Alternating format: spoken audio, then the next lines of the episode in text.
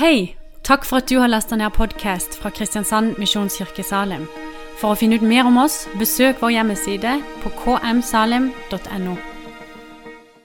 Takk skal du ha. Og takk for sangen, da, Olaug og Tor André. Det var veldig kjekt. Var det ikke det, Kjell? Det var kjekt å høre på dem. Det var godkjent, var det ikke det? Veldig bra. Velkommen, som Bente har sagt, til dere som er gjester her i dag. Det er noen av dere fra forskjellige kanter av landet. Veldig kjekt å se dere. Velkommen til dere som har Salem som deres hjem. Vi skal, som Bente har annonsert, fortsette i den der lille taleserien vår som handler om profiler fra vekkelseshistorien. Og vi har kalt det 'Vekkelseshistorien viser vei'. Og det skal handle om Fredrik Fransson. Det er jo sånn at Etter to år med pandemi da var det én ting som vi alle lengta tilbake til, og det var normalen. Det er klart, det var normalen. Så oppdaga vi at normalen kommer hvis ikke tilbake med det første. Det ble krig i Europa, strøm, drivstoff og matvarepriser som vi liksom knapt hadde kunnet forestille oss. Og bak alt dette kjenner vi jo til at det er en klimakrise som ulmer. Hva med menighetsliv, da? Kommer vi tilbake til normalen der? Ja, kanskje. Men spørsmålet er jo om det er ønskelig.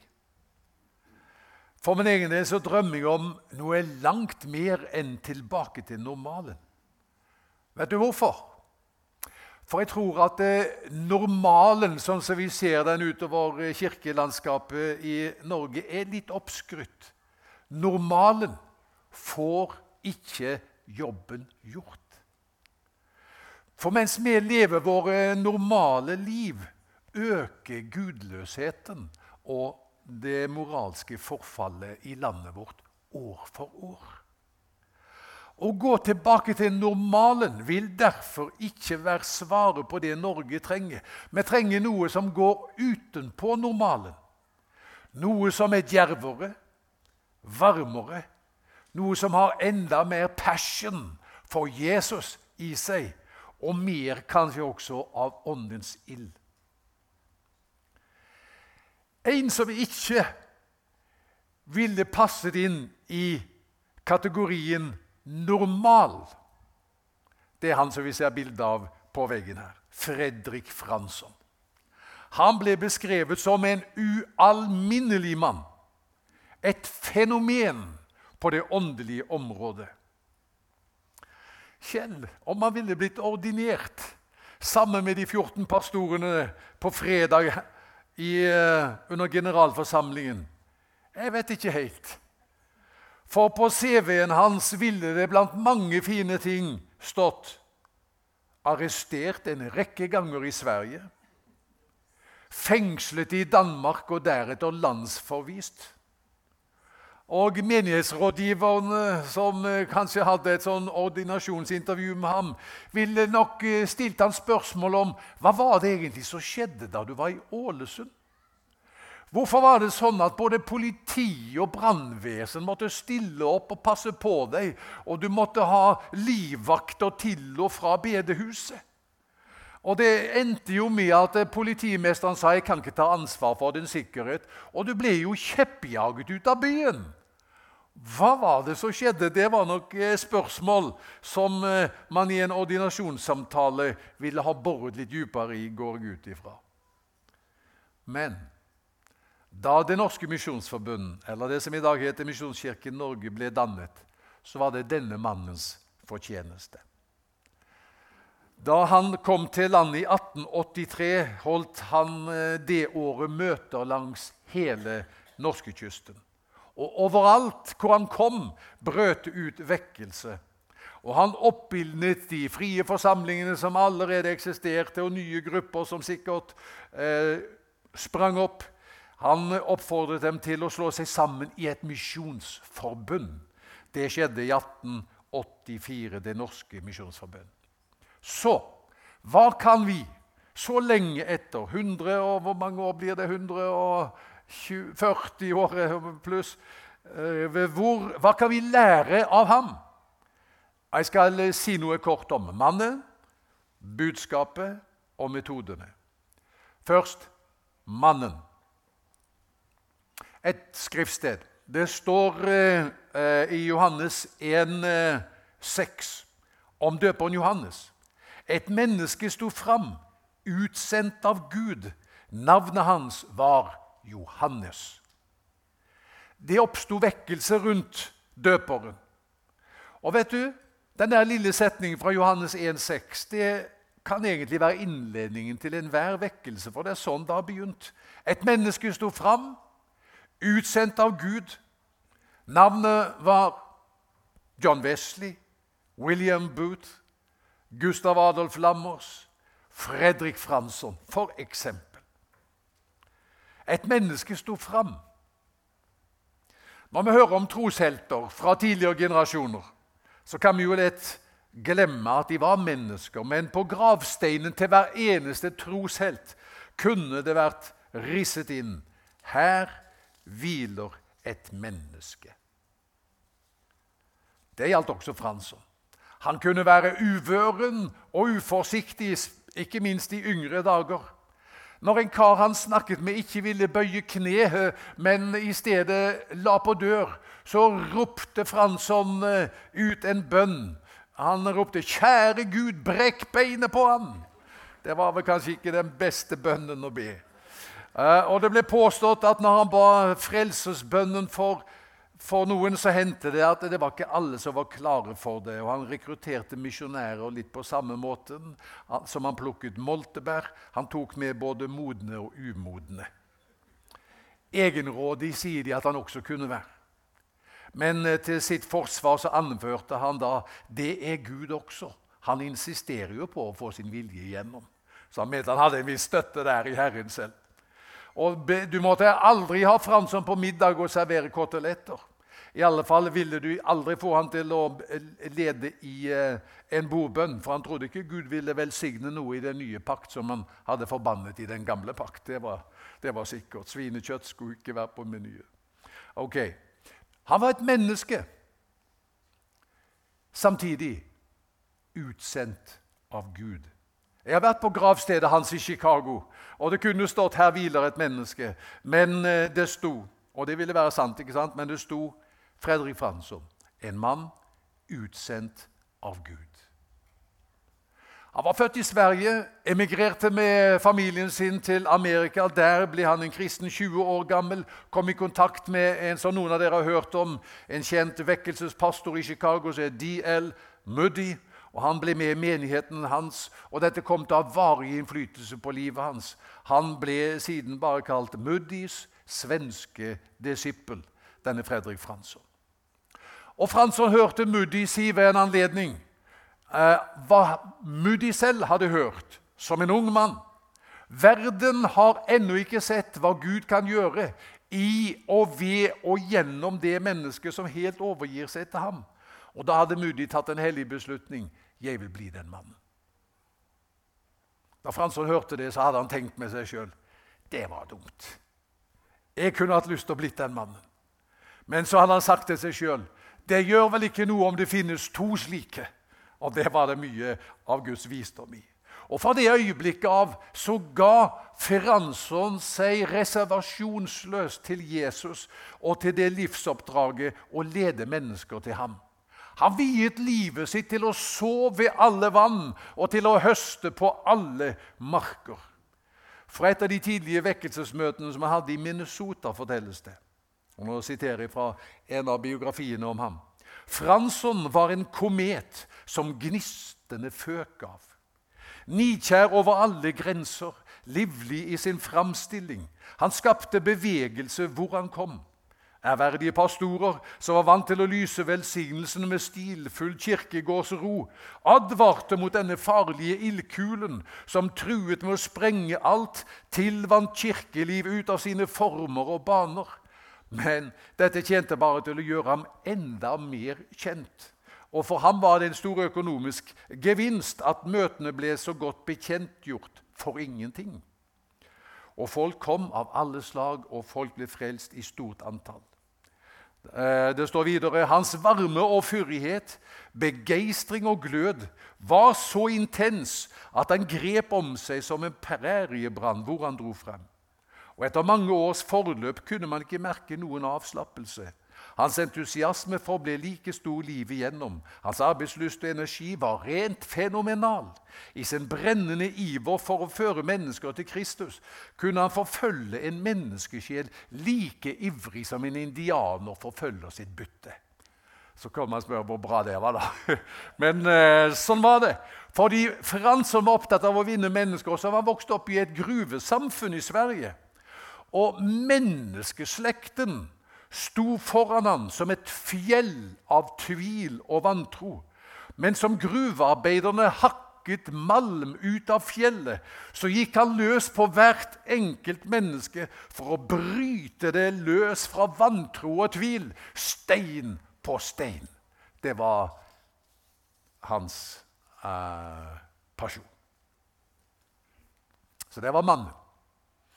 Et menneske utsendt av Gud. Så punkt to budskapet. Fransson hadde et omvendelsesbudskap. Det hadde jo døperen Johannessen. Hva, døperen Johannessen, sa jeg det? døperen Johannes skulle det være.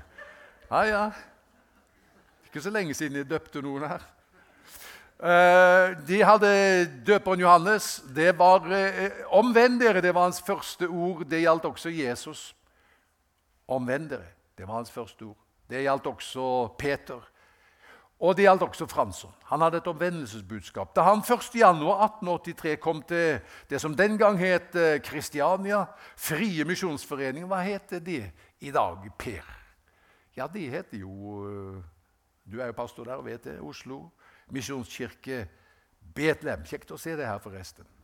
Da holdt han en tale, Fransson, eh, i, eh, i eh, det som i dag heter Oslo misjonskirke Betlehem, fra Johannes 11, 39, og der står det Ja, det står det 'ta stenen bort'. Det var jo liksom budskapet. Ta stenen bort. Det er jo legendarisk. Og han sa før Jesus kunne vekke Lasarus opp fra de døde, måtte de som var til stede, vennene, disiplene, fjerne steinen foran graveåpningen. ikke sant? Ser dere det for dere? Fordi at, eh, fordi at Jesus er jo ved Lasarus' grav. Må kanskje forklare bakteppet. Lasarus er død, lagt i graven, og rullet en stein foran.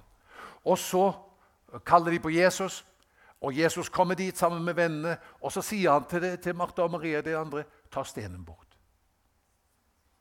Så protesterer de, og så sier de at ja, men han, han, har vært død i flere dager.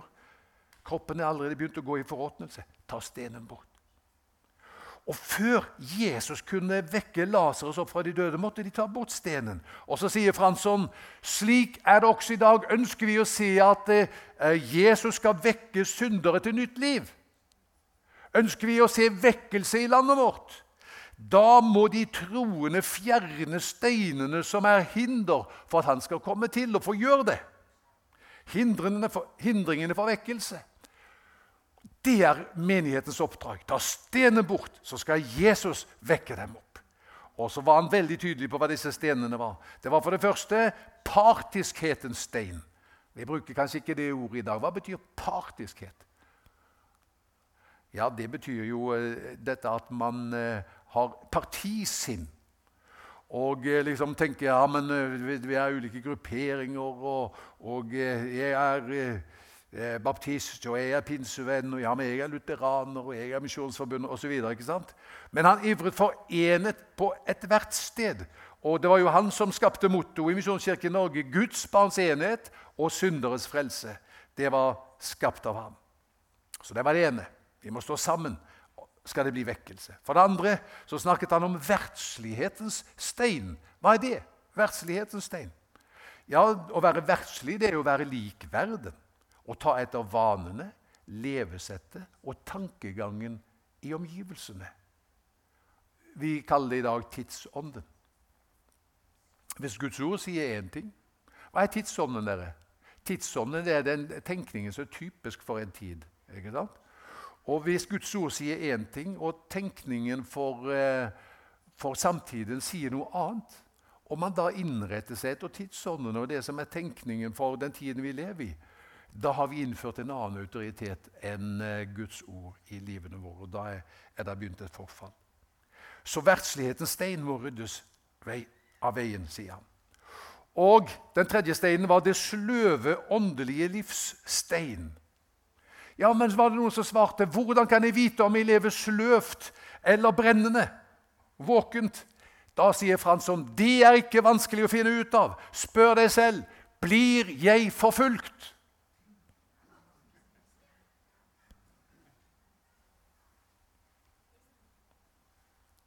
På det første møtet i Oslo ble 20 stykker frelst. Senere kom de til tro i hundretalls. Det kunne være opptil 1700 på møtene. Per. I Skien, Malin Fransson slo med åndens skarpe sverd. Hva er det for noe? Åndens skarpe sverd, ja, det er Guds ord. det. Fransson slo med åndens skarpe sverd til høyre og venstre, og hans vasse hugg traff ateisten og rasjonalisten like så vel som formkristne og partikristne og vekkelse brøt løs. I Arendal likedan. Vekkelse. Da hadde han lagt til tre steiner i tillegg til de som han talte over i eh, Oslo, som han hadde sett var hindringer for vekkelse i Norge. Og du skal få dem. Det var likegyldighetens stein. Bryr du deg ikke om at andre mennesker skal bli frelst, vil du kanskje heller ikke se det skje. Ta stenen bort. Du må bry deg om andre menneskers frelse. Formalismens stein, sa han. Hva er det, da? Det ordet bruker vi heller ikke så mye. Jeg ser på noen skolefolk her. Formalisme. Ja, det er at man legger overdreven vekt på det formelle mer enn det som virkelig har betydning. Man er nøye med møteformer og formaliteter mer enn at Ånden skal få virke. Så behøver det ikke være motsetninger, men noen ganger kan det faktisk det. Så i Oslo så hadde Fransson problemer med å finne et sted han kunne ha møter, men så fikk han leie turnhallen inntil de skjønte at han drev med håndsopprekning. Og den slags gymnastikk tålte man ikke i turnhallen. Så da ble det stengt. Et annet sted ble bedehuset stengt pga. ettermøtene. Da ristet Fransson på hodet. Bedehuset stengt pga. bønn. Det var ikke til å forstå, mente han formalisme. Vi skal ha det liksom innenfor disse her rammene våre. Og det må være på etter boka. Og så kommer det en ildkule. Og så truer det med å sprenge alt dette tilvante ut av sine former. Og så sier vi nei, dette vil vi ikke ha. Vantroens stein var eh, den eh, tredje steinen som han la til eh, de som han allerede hadde talt over da i Oslo. Vantroens stein. Han hadde hørt den kjente misjonslederen Hudson Taylor tale. Og, Hudson Taylor hadde sagt når Gud kaller oss til å gjøre noe for ham, ber han oss ikke om å forsøke å gjøre det. Han ber oss om å gjøre det. Det er stor forskjell på å forsøke å gjøre noe for Herren og å gjøre det. Og Fransson skjønte har Gud kalt oss til at vi skal være vekkelsesredskaper. Da går vi all in. I Arendal beskrives møtene sånn. Det oppsto en underlig bevegelse. En av disse er til stede beskriver. Jeg følte meg mektig grepet av Guds ånd. Jeg tenkte med meg selv slik må det ha vært på pinsefestens dag. Det karakteristiske ved disse møtene var de små, korte bønnemøtene under selve prekenen, og så de merkelige ettermøtene. Noe slikt hadde jeg aldri sett. Inntil 80 personer på en gang lå gråtende på sine knær og ba om nåde. Vi ble iført kraft fra det høye. Jesus var også nær. Det kom liv i alt. Sangen ble som ny. Hele byen kom i bevegelse.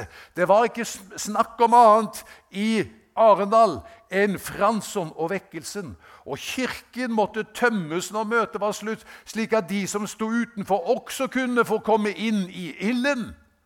Måtte det sies om møtene i Salem også i tiden som ligger foran. Dere, nå må vi dessverre tømme kirkesalen, for de som står utenfor, må også få komme inn i ilden.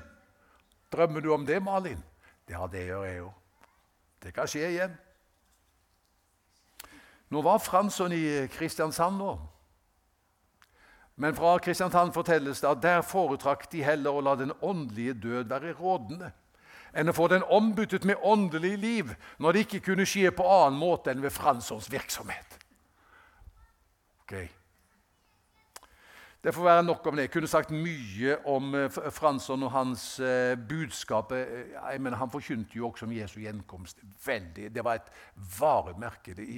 Overalt hvor han kom, forkynte han om Jesu gjenkomst. Det var et gledesbudskap, men det er klart det hadde også eh, en, en, absolutt en alvorsside. For det handlet om å være rede når Jesus kommer. Og det handlet om å få så mange som mulig med seg før Jesus kom tilbake. Så det var også en del. Til slutt altså, vil jeg si litt om eh, metodene som eh, han brukte, Fransson. Og da er det sånn at eh, Å evangelisere det er jo en definisjon på evangelisering. da, den er sånn, Det er å smitte av begeistring for Jesus. Metodene det er bare kanalene som entusiasmen flyter gjennom. Ser du det? Så hva er veien til vekkelse? Da ville, da ville Fransson svare 'tenn et bål på talerstolen'. Det er klart, han, eh, han, hadde jo møter. Overalt hvor han kom, hadde han møter. Møter, møter, hele veien. Og det var noe nytt og friskt over disse møtene. Han introduserte gitaren i møtene. Visste dere det? Det var Franssons fortjeneste. Gitaren. Og liv skulle det være. Han hadde kanskje lest forordet i eh, salmeboka til John Wesley fra 1761. Der er det syv eh, retningslinjer for forsamlingssanger. Nå skal du høre retningslinje nummer fire. Den lyder som så. Syng av full hals og med hele hjertet. Syng ikke som om du var halvdød, eller som om du var i ferd med å sovne. Nei, løft stemmen, syng med kraft! Det likte Fransson. Når han hadde møter i Nord-Norge, fortelles det møtene var så livlige. Ellingsen det var en sanger som kom i ham fra Kristiansund. Det er noen fra Kristiansund der også i dag, skjønner du. En, han het Ellingsen, så Kristiansund har noen aksjer i dette her som skjedde Ingebjørg. Uh, han var litt av en sanger som snart mestret den ene friske sangen etter den andre. Og Fransson sparte ham ikke, for fart i tingene måtte det være på Franssons møter. Syng syv ganger fortere, kunne han rope til Ellingsen. Og halvtime etter halvtime lød tonene for at Satan ikke skulle få plass, som Fransson uttrykte det. Oi, oi, oi. Hvordan var møtene, da? Ja, En oppsummerte møtene i Nord-Norge sånn det var gråt og bønn, forbønn og glede, takksigelse og sang på én gang over hele lokalet. Ettermøtene ja, det var noe helt nytt. Vi kjenner til det. Vi er vant med ettermøter. Nå er det tatt i bruk i alle sammenhenger. Men Fransson høstet mye kritikk. De sa det der det er upassende, det er amerikansk. Da var det en nyfrelst som svarte når han hørte, det, det hørte den kritikken. Så sa han Vel, sa han, jeg tenker noe som så. Det må uansett være bedre å bli frelst på amerikansk enn å gå fortapt på norsk. Det var et godt poeng, syns jeg. Hvordan artet det seg da i Trondheim? Er det ikke noen fra Trondheim her også? Det fortelles fra møtene i Trondheim. Fransson preket og ba og når han hadde sagt sitt ammen, og her har du ettermøte, for han i hast nedover lokalet, mellom benkene og av og til over dem, for å få tak i de ufrelste. Var ikke alle han fikk tak i, nok bekymret for sin sjels frelse, så ba han selv Gud om å gjøre dem mer bekymret, og ba disse om å gjøre det samme. Han kunne falle på kne foran dem, ta tak i hendene deres. Kjære Jesus, gjør denne mer bekymret for sin sjels frelse. Og så fikk han de til å be på samme måte. Ja, ville ha blitt ordinert. Det var det. I Jesu lignelse om det store gjestebudet står det at kongen sier til tjenerne når folk ikke ville komme til festen, så sier, så sier kongen, gå ut på veiene og stiene og nød folk til å komme inn, så huset mitt kan bli fullt. det var viktig for Fransson å nøde folk. Og det var ikke det samme som å innby. Nøde det kunne man først gjøre etter at man hadde innbytt. Og det var heller ikke de villige, men de uvillige som skulle nødes. Og Fransson sa, 'Jeg skal aldri i evighet møte noen som ville si til meg:" 'Du gjorde for mye for min sjels frelse.' Men kanskje vil jeg møte noen som skal si meg:" 'Hadde du gjort mer, så kunne også jeg blitt frelst.'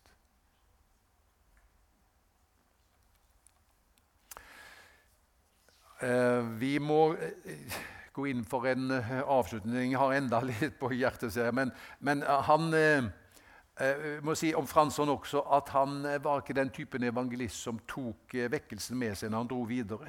Fordi han trente folk, rekrutterte folk og utrustet dem til tjeneste. Bare til Kina tror jeg han rekrutterte og sendte ut 50 misjonærer. Det er mye. Og han hadde klart 150 til. Han hadde vært i Sverige og rekruttert 150 til, men så strandet det med finansiering som egentlig var avtalt i USA. Eh, og så kom de seg ikke ut på, i alle fall på mange år, disse 150 som han i tillegg hadde gjort eh, klar til å dra. Men han rekrutterte misjonærer til tjeneste hjemme og ute. Og eh, eh Hadde vi hatt god tid, så skulle jeg fortalt dere mer om eh, hvordan det er hvilken trening han ga dem, men det har jeg ikke tid til. Men la meg avslutte med å si at eh, han besøkte også Danmark. Som, som, jeg sa, han ble jo eh, utvist av Danmark etter 38 dager i fengsel. Og Bakgrunnen var at han eh, hadde leid et lokal i København. Og det kom lite folk. Men det ble forandring på sakene når han annonserte bønn for syke. Skal du høre? Han sier nå begynte en tid jeg ikke har sett maken til. Syke kom i skarer til møtene. De måtte vente i dagevis for å få forbønn, og de ventet tålmodig. Snart begynte vi å be for flere samtidig. Først tre-fire om gangen, siden syv-åtte og enda flere. Og Gud møtte de syke i grupper like raskt som han tidligere hadde møtt dem vi ba for enkeltvis. Guds kraft var til stede på forunderlig og mektig vis. Merkelig var det også at det, det var flere uomvendte på disse møtene, selv om ikke dette hadde vært vår intensjon. Og dem frelste og helbredet Gud på en og samme gang. Folk i tusentall ble berørt av denne vekkelsen. Og Den så ut til å spre seg som en brann i Danmark. Men så inntraff en hendelse hvor en dame mente hun var blitt sykere etter en forbønnhandling av Fransson eller en av medarbeiderne. Og mannen så, tenkte at kanskje kan tjene penger på dette, så han meldte Fransson til politiet. Det endte med arrestasjon og fengselsopphold, som jeg sa. Og da han ble sluppet fri igjen, fikk han vite du er en persona non grata i Danmark. Uønsket for alltid. Tenk på det. Men han fortsetter sin tjeneste. Dette var jo, eh, når var det? det var i 1885. Han fortsatte og var til stor velsignelse over hele verden. Jeg har ikke tid til å komme inn på mer. Men det som, er, eh, det som jeg ville avslutte med å si, da, det var det at eh, innledningsvis så sa jeg noe om dette at Jesus Eller, eller en gang til. Innledningsvis sa jeg at det, når pandemien var over, så tenker vi vi må tilbake til normalen. Det skal bli deilig. Da Jesus døde, så var det akkurat det de gjorde også. I Johannes 21 leser vi at Peter sier 'Jeg drar ut og fisker'. Det var jo hans tidligere yrke. Jeg går tilbake til normalen. De andre slo følge med ham. Den natta fikk de ingenting. På morgenen ser de en mann som står på stranda. Og han sier, 'Har dere ikke noe å spise, barna mine?' Det er Jesus som er der, den oppstande, men de kjenner ham ikke igjen. Legg merke til den vennlige tonen. Har dere ikke noe å spise, barna mine? Det kunne kanskje like treffende vært oversatt. Har dere ikke noe å spise, gutter? Så sier han, kast garn ut på den andre siden. De fikk så mye fisk. Og da husker de en tidligere episode, helt i starten av Jesu tjeneste, hvor de også hadde hatt en veldig fiskefangst. Og da skjønner de det er Herren. Det er Jesus som er her. Og Da står det noe underlig som bare forteller oss at dette er det ingen som har diktet opp. Peter kler på seg før han stuper ut i vannet. Det gjør vi ikke når vi stuper ut i vannet. gjør vi vel? Da kler vi av oss. Men Peter kledde på seg, og så stupte han ut i vannet. Så det forteller oss dette er ikke en fabrikkert historie. Det ville ingen kommet på. Peter kler på seg, kaster seg ut i vannet, og så svømmer han inn til land. Og der får han møte Jesus. Der inne på stranda er det naglemerkede hender som har fyrt opp et bål og stekt brød og fisk. Så begynner en ordinasjonssamtale mellom Jesus og Peter. Simon Jonas' sønn, elsker du meg mer enn disse? Det er som Jesus ville sagt til han i forhold til det som er temaet i dag. Simon, har du en fransson i deg? Elsker du meg mer enn disse? Tre ganger får han spørsmålet og Det må jo ha minnet han om de tre gangene han hadde fornektet Jesus. Men det er ingen fordømmelse i Jesu eh, tale. Han som står foran Peter denne dagen. Peter som hadde liksom tenkt jeg går tilbake til normalen. Han har naglemerker i hender og føtter. Han har et sår etter et spyd i sin side. Peter ser på panna hans. Han regner merkene etter en tornekrone. Du står overfor to valg, sier Jesus. Peter, går du for normalen? Eller vil du følge meg? Jeg vil følge deg. Kristenheten i Norge i dag står overfor det samme valg. Går du for normalen, eller vil du følge meg? Jeg kan bare si det med en gang. Normalen vil aldri få jobben gjort. Normalen har aldri utrettet noe storartet. Bare den som har sagt 'Jeg vil følge deg, koste hva det koste vil', kan bety en forskjell i sin levetid. Jeg vil avslutte med noe Øyvind Haraldseid, avtroppende generalsekretær, sa en gang. Bare som et apropos. Han sa Når du blir gammel, se det for deg. Nå er du bestefar eller bestemor. Og så kryper et av barnebarna på fanget ditt, og så sier de til deg Bestefar, bestemor, kan du fortelle om noe spennende som du gjorde da du var ung? Kan du fortelle om noen eventyr som du har vært med på? Tankene raser gjennom hodet ditt. Eventyr. Spennende. Jeg har jo i grunnen levd et middelklasseliv. Bodd i et middelklassehus. Kjørt min middelklassebil og oppdratt middelklassebarn. Men så kommer du på det. Barnet mitt, ja, nå skal du få høre. En sommer gjorde vi noe veldig spennende, kan du tro. Vi støpte en platting. Kjære Jesus. Når vi leser og hører om Fransson som sa 'Jeg vil bli den mannen'. Det gjør ikke noe om det er to sånne som gir seg reservasjonsløst til deg.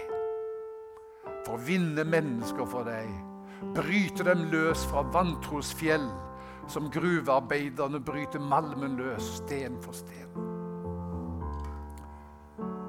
Så skjønner vi, Herre, at du står her også i dag, og du kaller oss. Og du sier, 'Går du for normalen, eller vil du følge meg?'